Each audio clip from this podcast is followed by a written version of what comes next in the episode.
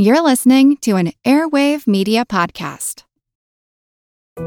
We all know how important it is to keep your eye on the money, and not just your own. Stay on top of the latest financial and market news with Yahoo Finance, a podcast that releases new episodes almost every day. You'll hear a brief overview of the biggest news in the financial world, all in three minutes or less, right after markets close. Check out Yahoo Finance wherever you get your podcasts. That's Yahoo Finance wherever you get your podcasts. This is Kick Ass News. I'm Ben Mathis.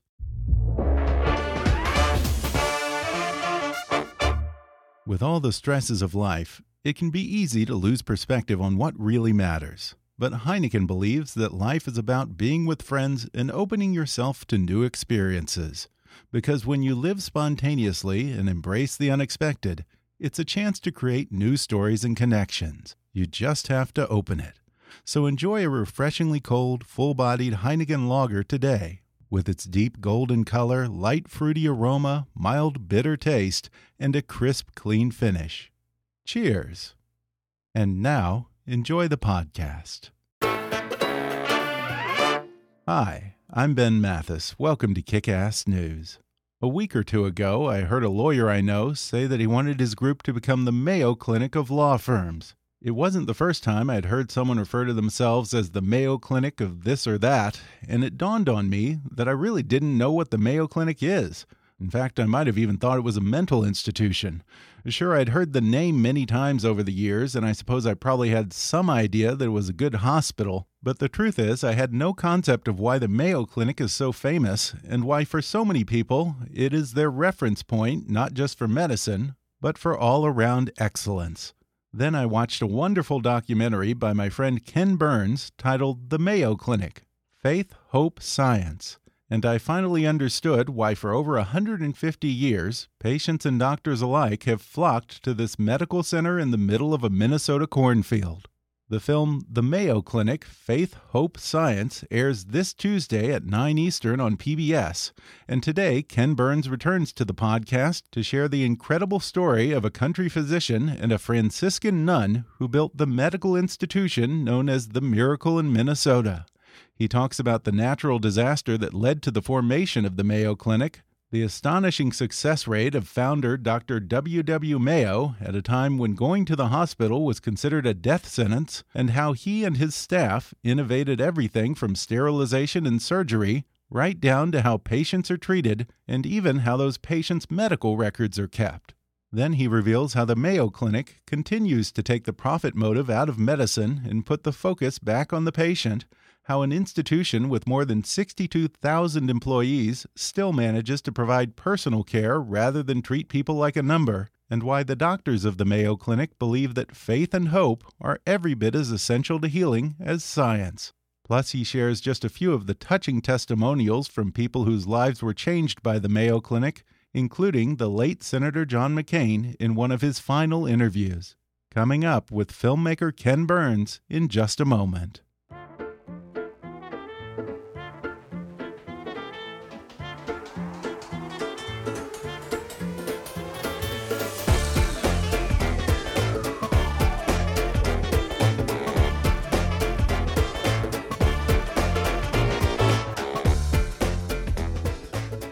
Today, I'm happy to welcome back to the podcast acclaimed filmmaker Ken Burns.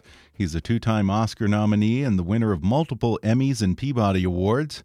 His epic historical documentaries have included the Civil War, baseball, jazz, the war, the national parks, prohibition, the Roosevelts, and last year's Emmy nominated 10 part series, The Vietnam War.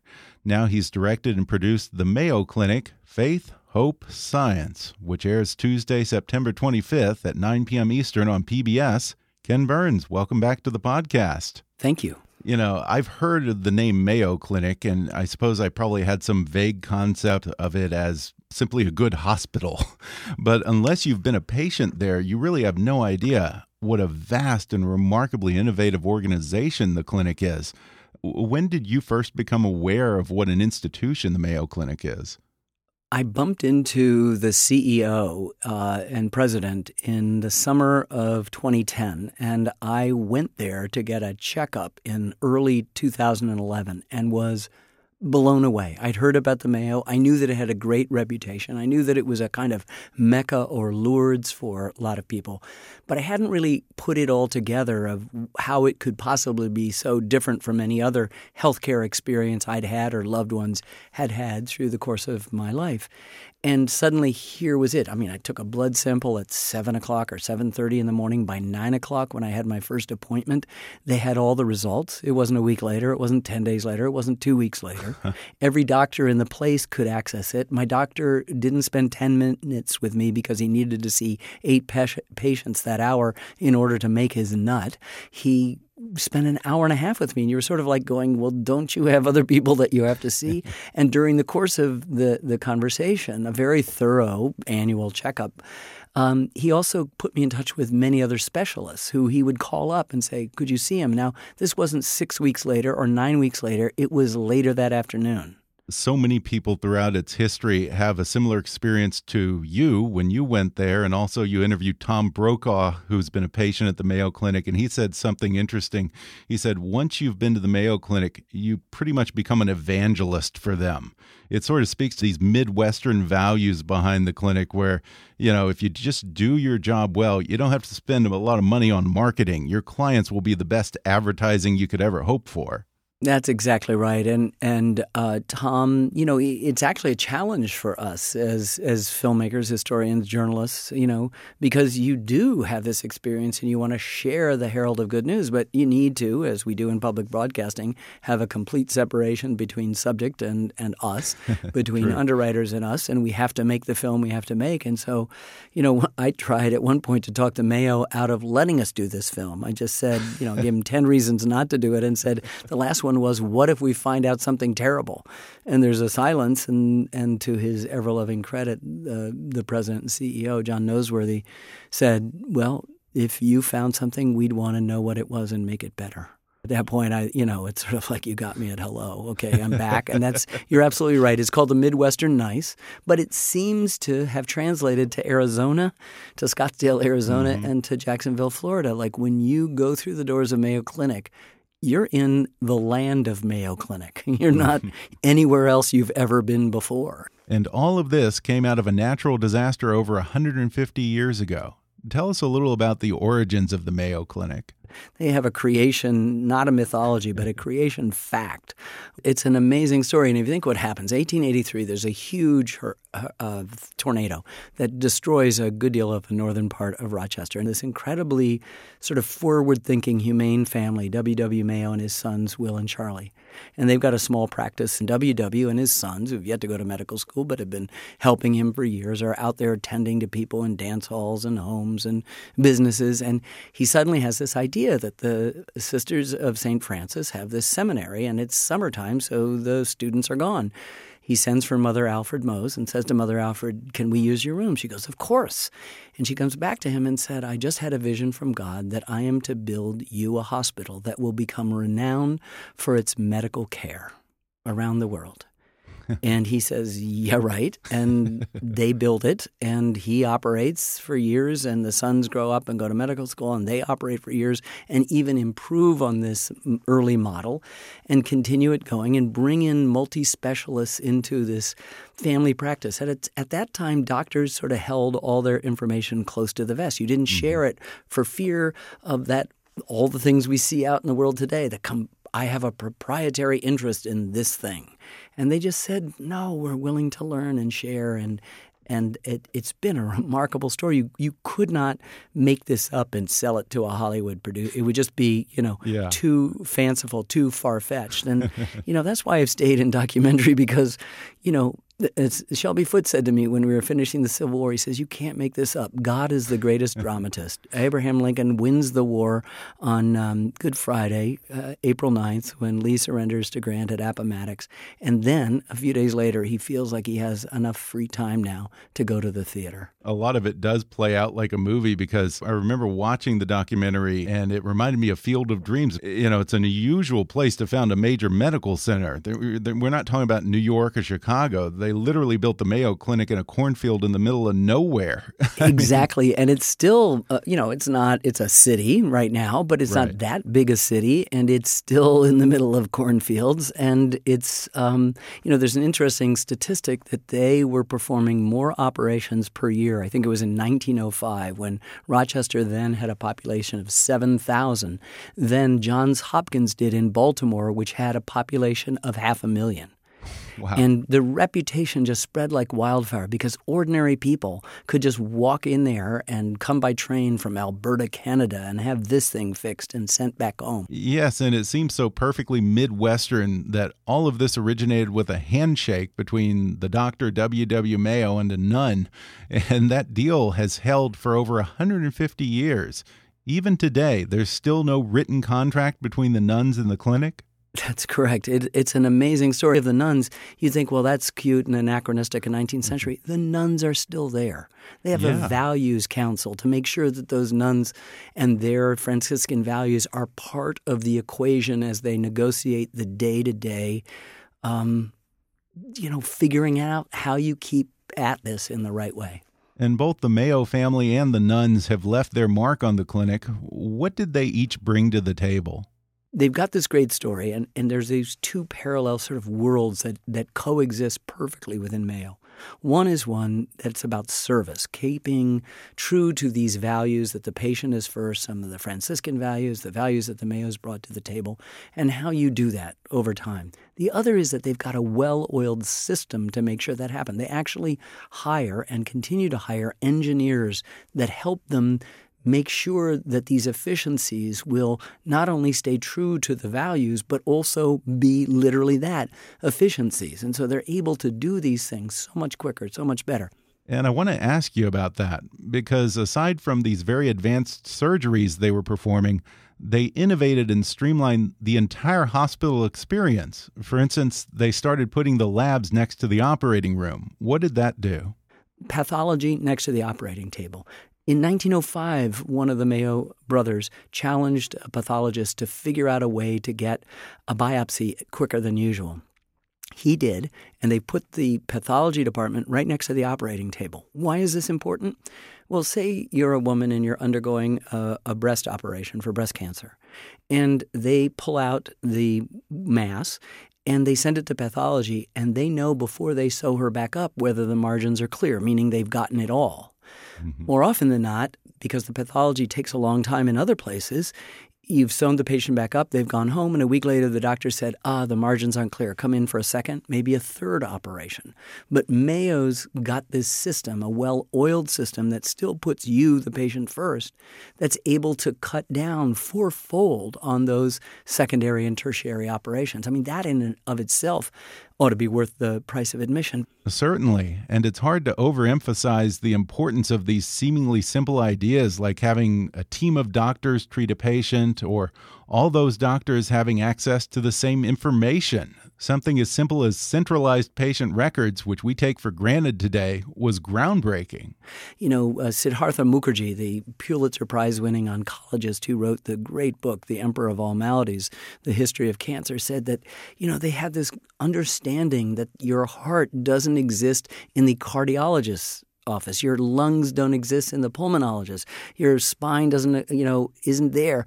They understood that they resided with the patients, and so the records followed them, hmm. and and they were centralized in a way that permitted the maximum amount of collaboration to come in and say what would be good. And there's one incredibly complicated case that we tell early on in the in the film, a, uh, a contemporary case, in which we have this wonderful, lovely eye doctor who's trying to cure a woman of eye cancer. She is pregnant at the time, and there is a sense that pregnancy is not only making her baby grow, but making the cancer grow. And the question becomes do what do you do about the baby? And he's an eye doctor and is sort of suggesting that she might have, as they put it, uh, elective termination. She sees a gynecologist and OBGYN who says, "Mm, okay, let's talk about this. And what they're able to do through collaboration is figure out how to save her and the baby, and they do. And I hope I'm not giving it away, but it's it's just a phenomenal, phenomenal moment in which you realize some of our sort of politically correct ideas, we forget to select for those people who have the desire to keep that baby or the desire to do things both. And the, Mayo figures out how to do it both, have it both ways. It's it's great. You know, pancreatic cancer patient who comes there, four percent survival rate. Every other doctor has said, get your affairs in order. He's still alive. He's still alive. Five years in remission. Thinks he has, you know, uh, 25 more years in him. And it's because the, the, the surgeon inverted the protocol, the traditional protocol for the treatment of this particularly pernicious uh, brand of cancer. Amazing. And, and when the Mayo Clinic opened and began trying these new techniques, medicine was only just beginning to emerge from the dark ages. Uh, these were still the days when people wanted to avoid hospitals at all costs because you were just as likely to leave a hospital worse off than when you came in, if you left at all. By contrast, what was the success rate at the Mayo Clinic in those first years? It was it was really impressive. It's really post Civil War, but you're right. When W. W. Mayo emigrated from England, um, he came and worked as a chemist at Bellevue Hospital, and hospitals were then uh, places where people came to die, and the accreditation of doctors was you know hit and miss at best, lots of quacks. And he decided he didn't want to do that. Ended up in the frontier. Finally, ended up in Rochester, Minnesota, judging who was fit to serve in the Union Army. And his wife, tired of their peripatetic uh, lifestyle, just said, "We're here."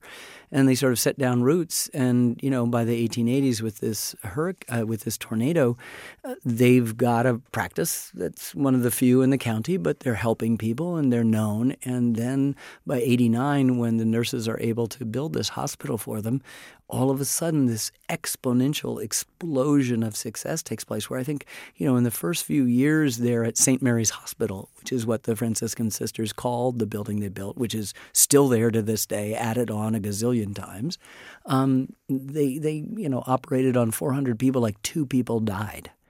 And so the wow. word began to spread all around the country and then around the world. Right, and it wasn't just a destination for patients, but for other doctors as well. Uh, surgeons came from all over to this little town in Minnesota just to observe the Mayo brothers in action. What kind of things were they coming there to see? Well, I think they were seeing at first kind of mechanical excellence. I mean, surgeons are in some ways mechanics. They're working not on a car body, but a human body. And there's a certain amount of art and a certain amount of skill and a certain amount of uh, curiosity and logic, and in their case, a willingness to learn. So, the great thing is that the Mayo Clinics not only let us into their operating rooms, they let us into their um, archives and you have all these series of, of photographs of these operating theaters that had to get bigger and bigger and bigger as these crowds of other physicians and students would just come there to learn and sometimes to be treated themselves. And a Chicago doctor saying, hey, these guys are way advanced of anything that we're doing here. And they're out. And this is at a time when it's a tiny, tiny podunk town on the edge of the frontier, we say, as it once was in the early part of the 19th century. And they suddenly have these amazing results. He's already this great doctor who has this kind of great social conscience that we sort of admire and somehow don't always exult in American history. We want to talk about the Carnegies and, and the great fortunes that are made and then the philanthropy that follows. They're doing it simultaneously. So that level of patient care, that level of unforced curiosity about who you are, that sort of high level of just listening. It permits a woman from Corn, Oklahoma, who's had years and years and 40 doctors and been near death and been almost complete collapse of various systems, comes to Mayo, talks to a doctor for two hours or an hour and a half, goes out in the waiting room with those little buzzers. And 20 minutes later, he buzzes her and said, I've got your diagnosis. And it's, you know, a, a disease they know how to treat, and now she has her life back. Whereas nobody had connected all the dots because she kept seeing specialists, none of whom, like the like the blind men describing the elephants, knew that trunk, knew those ears, knew mm-hmm. those legs, knew that skin, knew that tail. But nobody had the whole picture. And what Mayo learned in the 19th century is that you have to have the whole pic- picture. And then that permits all these specialists to be having conversations with each other that can only benefit you. We're going to take a quick break, and then I'll be back with more with Ken Burns when we come back in just a moment.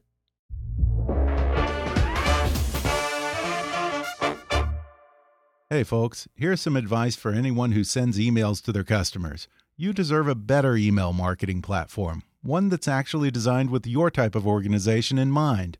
And unlike other email providers, Emma puts its customers first, offering powerful email marketing with a personal touch. With Emma, you'll have everything you need to connect your data, build your audience, and do your most successful marketing ever. Because their easy to use platform makes advanced functionality accessible to everyone on your team, no technical skills required. You can even connect Emma with the services you count on to run your business, like Salesforce and Google Analytics. Not to mention, Emma's award winning team is always ready to support you on your email marketing strategy, design, list migration, and more. So put the power of email experts behind your marketing. Request a customized demo of Emma's email marketing platform today at myemma.com. Again, that's myemma.com. Life can be stressful, and sometimes we lose perspective on what really matters. As we rush to achieve all the things we want in life, it can be easy to forget to enjoy the smaller moments along the way. But life isn't about following a common path or having a set plan. It's about being with friends, celebrating with loved ones, and living in the moment. Heineken believes that you create the richest memories when you embrace the unexpected and open yourself to new experiences. That's why Heineken encourages everyone to live spontaneously. Because when you embrace the unexpected, things like exploring new parties, enjoying the summertime, watching exciting soccer matches, and celebrating the holidays with your family all become chances to create new stories and connections. You just have to open it up. So enjoy a refreshingly cold, full bodied Heineken lager today with its deep golden color, light fruity aroma, mild bitter taste, and a crisp, clean finish. Cheers! Folks, I'm so happy to have Bombas as a new sponsor of the podcast because I'm a huge sock guy. I know that sounds weird, but it's true. Everyone who's been on the show knows I always have some funky socks on my feet. Not funky as in smelly, but funky as in fun colors, whimsical, fashion forward, but also functional and comfortable. And as a sock connoisseur, let me say that nobody makes a better sock than Bombas.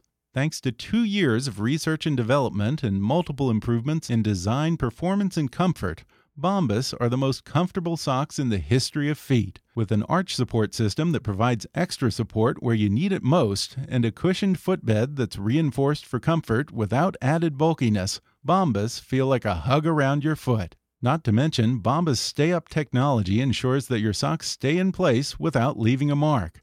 And the super soft cotton material makes you never want to take them off. So whether you're a runner, power walker, or power lounger, that's me, there's a pair of Bombas that'll add comfort to your life. As a matter of fact, I'm wearing a pair of purple Bombas Marls calf length socks even as we speak. They come in every color of the rainbow, and I ordered them all because they look great and they're easily the most comfortable socks I've ever owned. There's a good reason. These socks are scientifically engineered for comfort. Think about that. How much time do you spend trying to find a comfortable pair of shoes? Now ask yourself how much thought you've ever given to your socks. Socks go on your feet too, folks, and if you're suffering from tired feet, consider this. Maybe you've got the right shoes, but the wrong socks. You owe it to your feet to find out what a perfectly engineered sock feels like. Take it from me, they're a game changer. Go to bombas.com slash kick and use the code KICK for 20% off your first order. That's Bombas, B-O-M-B-A-S dot com slash kick, code KICK, and you'll get 20% off your first order. A room filled with heroes, Dan Hanzus, Gregg Rosenthal, Chris Wesseling, and Marc Sessler of the Around the NFL podcast deliver the latest news in the NFL. As NFL writers and reporters, the ATN crew has exclusive access to industry insiders and team personnel, allowing their listeners to feel in on all the action. The ATN podcast has you covered 52 weeks a year, recapping every game and every big story. If it happens in the NFL, you'll hear it on ATN. As the NFL preseason unfolds, stay up to date with the latest storylines affecting your favorite players and teams by following along on the ATN podcast three times a week. Whether it's a buzzworthy position battle, a new addition to the injury report, or perhaps a rookie stealing the show, Around the NFL highlights everything you need to know ahead of kickoff 2018. Subscribe now to the Around the NFL podcast and keep up with all 32 teams all year long. Available on your favorite podcast app or NFL.com. And now, back to the podcast. Well, this documentary is somewhat unusual for you because so often you're telling a history that is already written, but this is very much a living history that's still being written today. Did you approach this story differently than you might usually approach a more conclusive topic like, say, the Vietnam War or Prohibition? Not really. Uh, this certainly, as you suggest, has these uh, different structural elements. It is at its at its most basic form an arc, a historical narrative from the beginning uh, to the present, and that's been common in many other films that we've made. And something that I was experimenting with in the Vietnam War series mm-hmm. was this idea of using particular moments in one time to sort of jump forward to a future time. So this essentially and then and then and then narrative that is the the Mayo Clinic's narrative arc is punctuated several times by contemporary case studies that in some ways reflect that historical moment or that historical moment gives you an opportunity to jump ahead. For example, early on in the narrative, uh, W.W. Mayo, the patriarch of the family, has gone back from Minnesota to Bellevue Hospital, where he'd had some early training, and is envious of a $600 German microscope, which he wants to get, but it will require mortgaging the house. His wife is is is not ex- ready to accept any debt. But she says if it's if it's good for the people, then we'll do it. And at that point, we jump ahead to a discussion of the proton beam therapy, which is hundreds of millions of dollars in the contemporary moment, trying to save a little girl's, meaning a toddler's, life from uh, uh, brain cancer. Uh, yeah, and that was really interesting to me because I guess proton therapy is incredibly expensive, but they do something really remarkable at the Mayo Clinic. They actually take a loss, right? It's it's very interesting. I, I wouldn't I, I, wouldn't put it that way. I think almost everything okay. about the Mayo Clinic is counterindicated. That is to say, just as your doctor's saying, don't mix this with this, everything they do seems to run counter to how we expect a hospital to be. They're mm-hmm. nonprofit, uh, whereas most things are trending towards profit making institutions, uh, and that has its own problems. Uh, they put the doctors on salary uh, that fosters a kind of culture of collaboration, but also means no unnecessary tests and procedures. They have the pathology next to the operating room. I could go on and on. They put the patient first, which seems obvious, but if you think about it, it's always been the doctor that's first, and probably nowadays it's the hospital administrator and maybe even the insurance company looking hmm. over the, the administrator's shoulders. They put the the patient first, and that's a hugely wonderful thing. So, this film, in funny ways, many funny ways, reflects a film I made 35 years ago in the history of the celibate religious sect, the Shakers. The Shakers discovered that their poorer neighbors were stealing their crops at night. So the Shakers planted more crops. We plant some for the Shakers, some for the thieves, some for the crows, they wrote. Thieves and crows have to uh, eat too. And they also hmm. invented a wide range of things. Apparently, the flat broom, apparently, the circular saw. They invented a milk evaporator, and they held these without patent, were willing to share with their neighbors. And Clarence Borden apparently borrowed the, the, the milk evaporator and began his uh, extraordinary company. What I'm trying to say is the Mayo has always been willing to say, we don't have any cards we're keeping close to our vests. This is what we know. What do you know? How can we be better? How can you be better? And one of the things they did in the middle of this debate recently, a few years ago, about their use, their supposedly destabilizing use of this hundreds of million dollar proton beam therapy machines was that they decided to charge the same for that as they did for an x ray. So all of a sudden, they took the argument out of it and said that there was a greater good. And it's a wonderful, very Mayo-like moment that uh, you know the film pays attention to. But there are dozens more like that that remind you that it's not necessarily uh, the way that we're used to having things run isn't necessarily the best way. Yeah, and you're right. The Mayo Clinic stands in remarkably sharp contrast to the overall healthcare system in the U.S. You show a number of cases where modern day patients were misdiagnosed or told that there was no no solution, no answer, no cure by the doctors at home, and then they just seem flabbergasted when they arrive and they see the level of care that they get at the Mayo Clinic. It occurred to me once the film was done, and I want to emphasize that, Ben, once it was done, I looked up and I said, you know, our healthcare debate has been hijacked by politicians who don't know that much for the last at least 30 years, if not the last 105, six years. And what if sitting before us is the example of how you might do it well? Could could we not sort of take back the conversation about it and begin to ask questions, not the political ones that say my plan is right, yours is wrong, or I'm not on the same party as you, so I'm not voting for your plan, even though that plan that you've presented is the plan that my party originally developed in response to your party's failed attempt 30 years ago. And you kind of, our heads are shaking when we could have even better health care than possible. And I thought Mayo represented a, a, really interesting example. Our, that was not my job making the film. Our job, and it's co-directed by Erik and Chris Ewers. Uh, Erik has been an editor uh, with me for almost 30 years, and Chris is a freelance cinematographer of the highest order that we've used and worked with for years and years and years. The three of us made the film together with the idea of just trying to wrestle to the ground the complicated narrative that you've just described that is not just a historical portrait, but also the combination of many, many case studies. Or are there best practices that can be upscaled to improve the overall healthcare system in the U.S.? I, I believe so. I mean, I hope I'm not being naive, but they've figured out it's not even a secret sauce. I was going to say that because they don't keep anything secret. They want to share everything with everybody. And I think there are attempts throughout the country. They have satellite campuses uh, that are their own in Jacksonville, Florida, and Scottsdale, Arizona, but they have a network of like minded institutions, some of whom fall out because they just can't maintain the culture of Mayo for whatever reason. Maybe it has to do with the profit motive. Maybe it has to uh, do with the so the quality of care and the ability to actually put the patient first, which seems to me, as a layperson, kind of duh and obvious. But in any case, they've done it right, and it's right in front of us. And they're not perfect, and we make sure that you see that. But we could all of us, regardless of party, whatever you think, single payer or this or competitive marketplace, whatever it is, isn't working.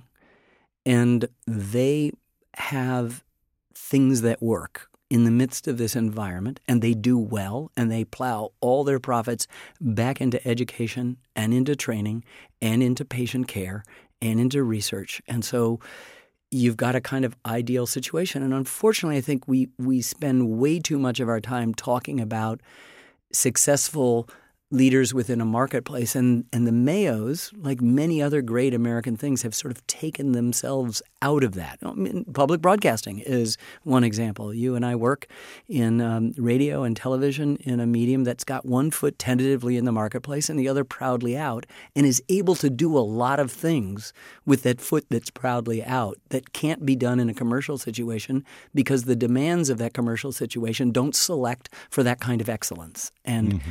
I'm saying that the Mayo Clinic represents that within the very important, much more important than public broadcasting, uh, arena of our health. None of us are getting out of this alive, so we ought to have, while we're here, the best optimum possibilities for ourselves. Um, just to give folks an idea of just the scale of this medical center today, this tiny town that probably what had two or three thousand people in it when they first founded it.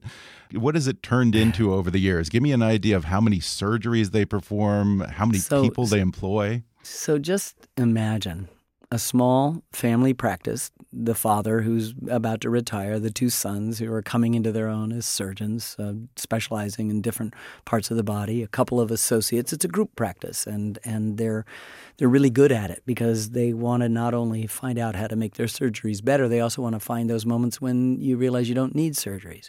And they're affiliated with a little hospital down the road a mile, run by some Franciscan sisters. And today they have 64,000 plus employees in three uh, campuses uh, around the United States in Scottsdale and Jacksonville, as well as Rochester, Minnesota, and are at the cutting edge. I think it was the U.S. News and World Reports just a few weeks ago rated the hospitals in the country, and Mayo came out number one, which I presume also means they're probably number one overall in the world. And that's the way the world thinks about it. We interviewed the Dalai Lama, who comes as a patient. We also interviewed John McCain. Now, those people we don't go into depth as we do in the so called ordinary people that populate most of the film in their case studies. But the three of them offer a kind of uh, ratification of their radical and I still want to use this word counterindicated way of doing things. It just doesn't make sense if you buy the generally accepted rules. But if you don't, then you're you're a quintessential American success story, um, or just a quintessential American story, which is the only things that I work on were the John McCain interviews, had he been there because of his cancer treatment or did it go back to his injuries from Vietnam? It's there because of his cancer treatment. I okay. recorded him. I've known him for a couple of decades and, and we worked with him on the uh, Vietnam film. Didn't interview him because he still in, was then in uh, public life and didn't want that thumb on the scale. Mm -hmm. But he um, had gotten his diagnosis a few uh, months earlier and he was at the Scottsdale campus uh, in Arizona getting treatment and uh, came back to Washington and I interviewed him for this and another project on Ernest Hemingway that's under underway. And that twinkle in his eye as he looks forward to what is his inevitable death is one of the most courageous things. And I hope that just as I think we feel in a political sphere over the last few weeks that John McCain's service in life might be uh, dwarfed by his service in death, that I think when you see his um, the way he is facing his own mortality, it's incredibly, incredibly impressive.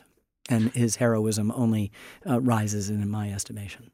And now, when you were talking a moment ago about the just the sheer numbers, you know, it occurred to me that institutions that operate on this scale rarely are known for quality treatment and personal service. But not one of the patients that you talk to in this film talks about being treated like a number at the Mayo Clinic. And my question, I guess, is how does such a vast operation manage to offer that kind of personalized attention and sincere human connection between a doctor and a patient? This is why you want to go and visit the Mayo Clinic and see what it's about. I mean, this yeah. is why, I mean, I'm just like you. I'm just a regular citizen and I look at this and I go, why? You know, we know how to make french fries exactly the same from Anchorage to St. Augustine, right? yeah. But but you know, you presume that that level of quality care at the ultimate you know, tipping point of our lives, our health or lack thereof, um, would be impossible to to do at that scale and yet they do it because I think that they have this parallel sense of their mission that if you if you're in the medical profession to make a lot of bucks you're not going to be at Mayo Clinic.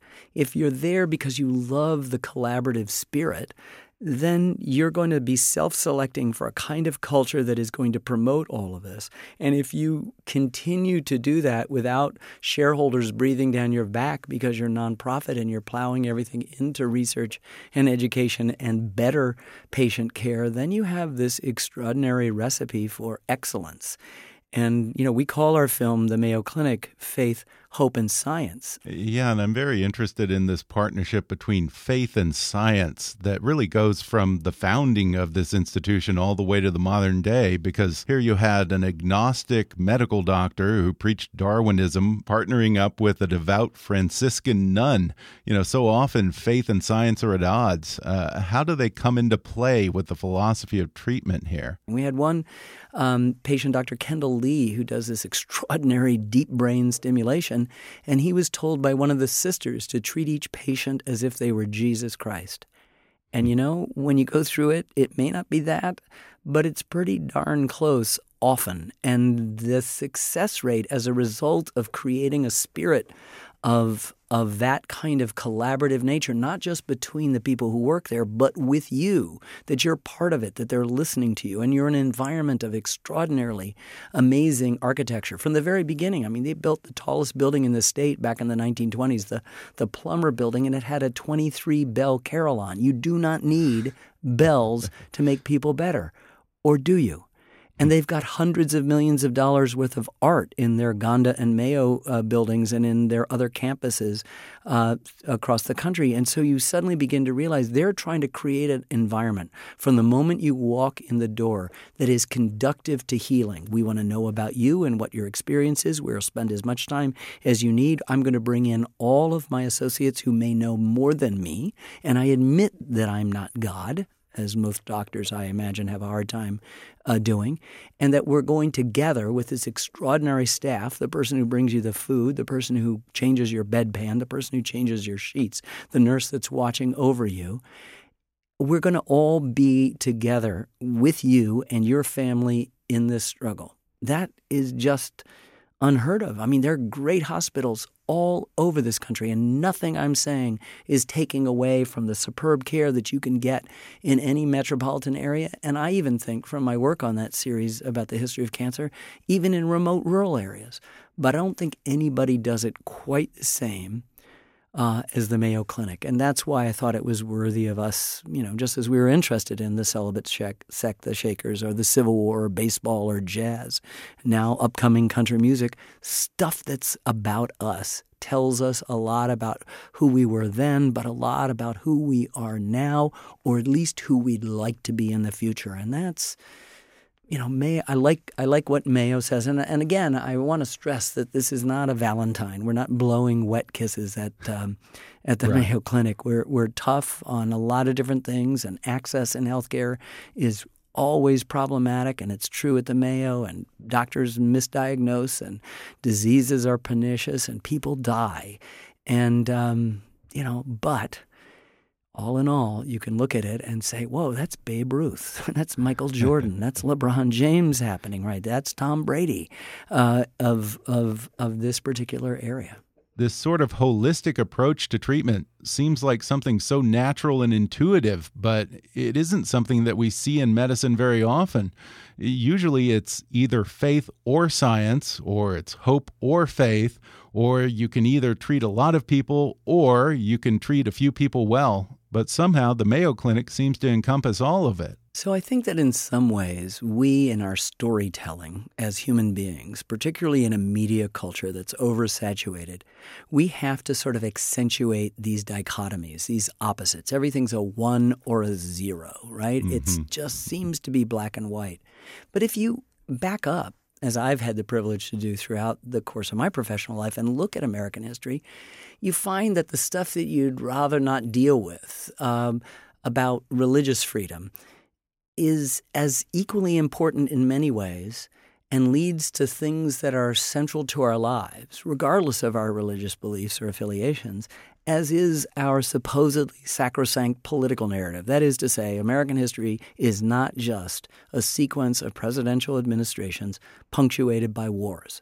That's a pretty good way to get a an initial understanding of it and to get a working familiarity with it. But you have to go farther afield and understand the, the power that was unleashed in the human spirit, in the spiritual dimensions of the creation of this country, that I could worship for the first time, worship God the way I saw fit, not the way the state or the royalty told me to. And you end up with an American catechism, articulated, I suppose, by Emerson and inherited by Thoreau and John Muir, that creates national parks and also informs somebody like a W.W. W. Mayo. He's a Quaker. He, he studied with a chemist in England named John Dalton. That's where his, his chops are coming from. But he's also coming to America, where it's the philosopher Jacob Needleman told me for my Shaker film 35 years ago America's the land of zero, he said. We start from nothing, we start from our own longing, our own search. And so you have this idea of being able to make again something new. And that is for all the stresses and strains, for all the undertow and complications and contradictions of this life and any other time in American history, um, still the operative thing. We have the possibility to press a reset button and figure out how we can remake ourselves. And what's so great about the Mayo is that they've been doing that continually. They are not resting on their lawyer, laurels. They, how can they? This is a complicated healthcare environment with lots of moving parts and lots of changing moving parts. And they've got to be as nimble as the most successful for profit health care. And they are. But they also manage to deliver the best care on earth. Well, Ken, the personal testimonials from patients are really one of the best aspects of this documentary. Before we go, is there one in particular that stood out to you?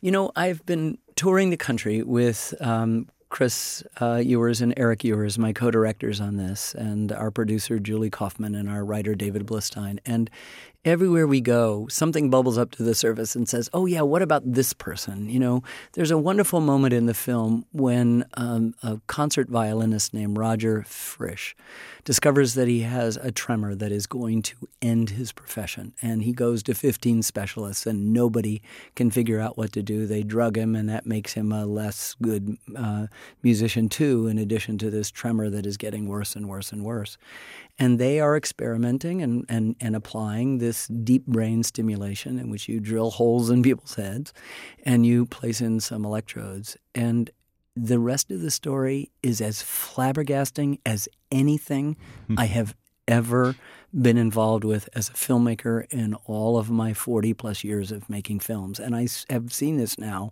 this scene 150 times and I still just shake my head. It feels like science fiction. It feels like magic. It feels like a miracle. And yet it is pure science. And it is fantastic. That moment absolutely blew me away, and I'll, I'll leave it to the folks to see how that ends. Um, it is just such a special film. It's called The Mayo Clinic Faith, Hope, Science, and it airs September 25th at 9 p.m. Eastern on PBS. Ken Burns, thanks so much for talking with me. Ben, it's always a pleasure. Thank you.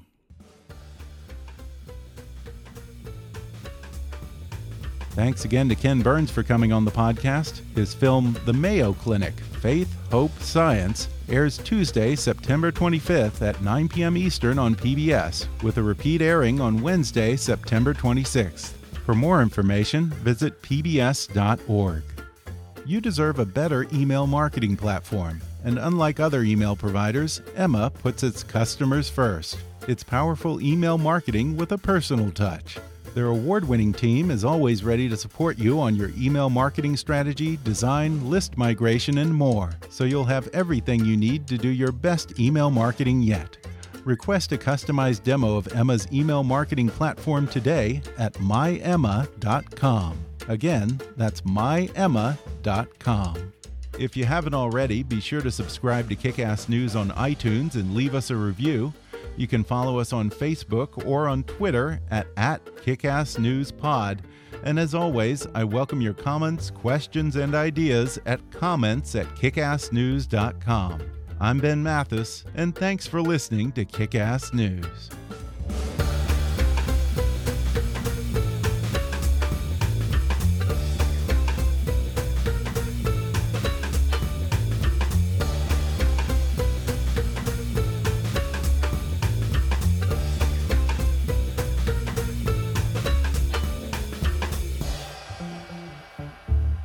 Kickass News is a trademark of Mathis Entertainment, Inc.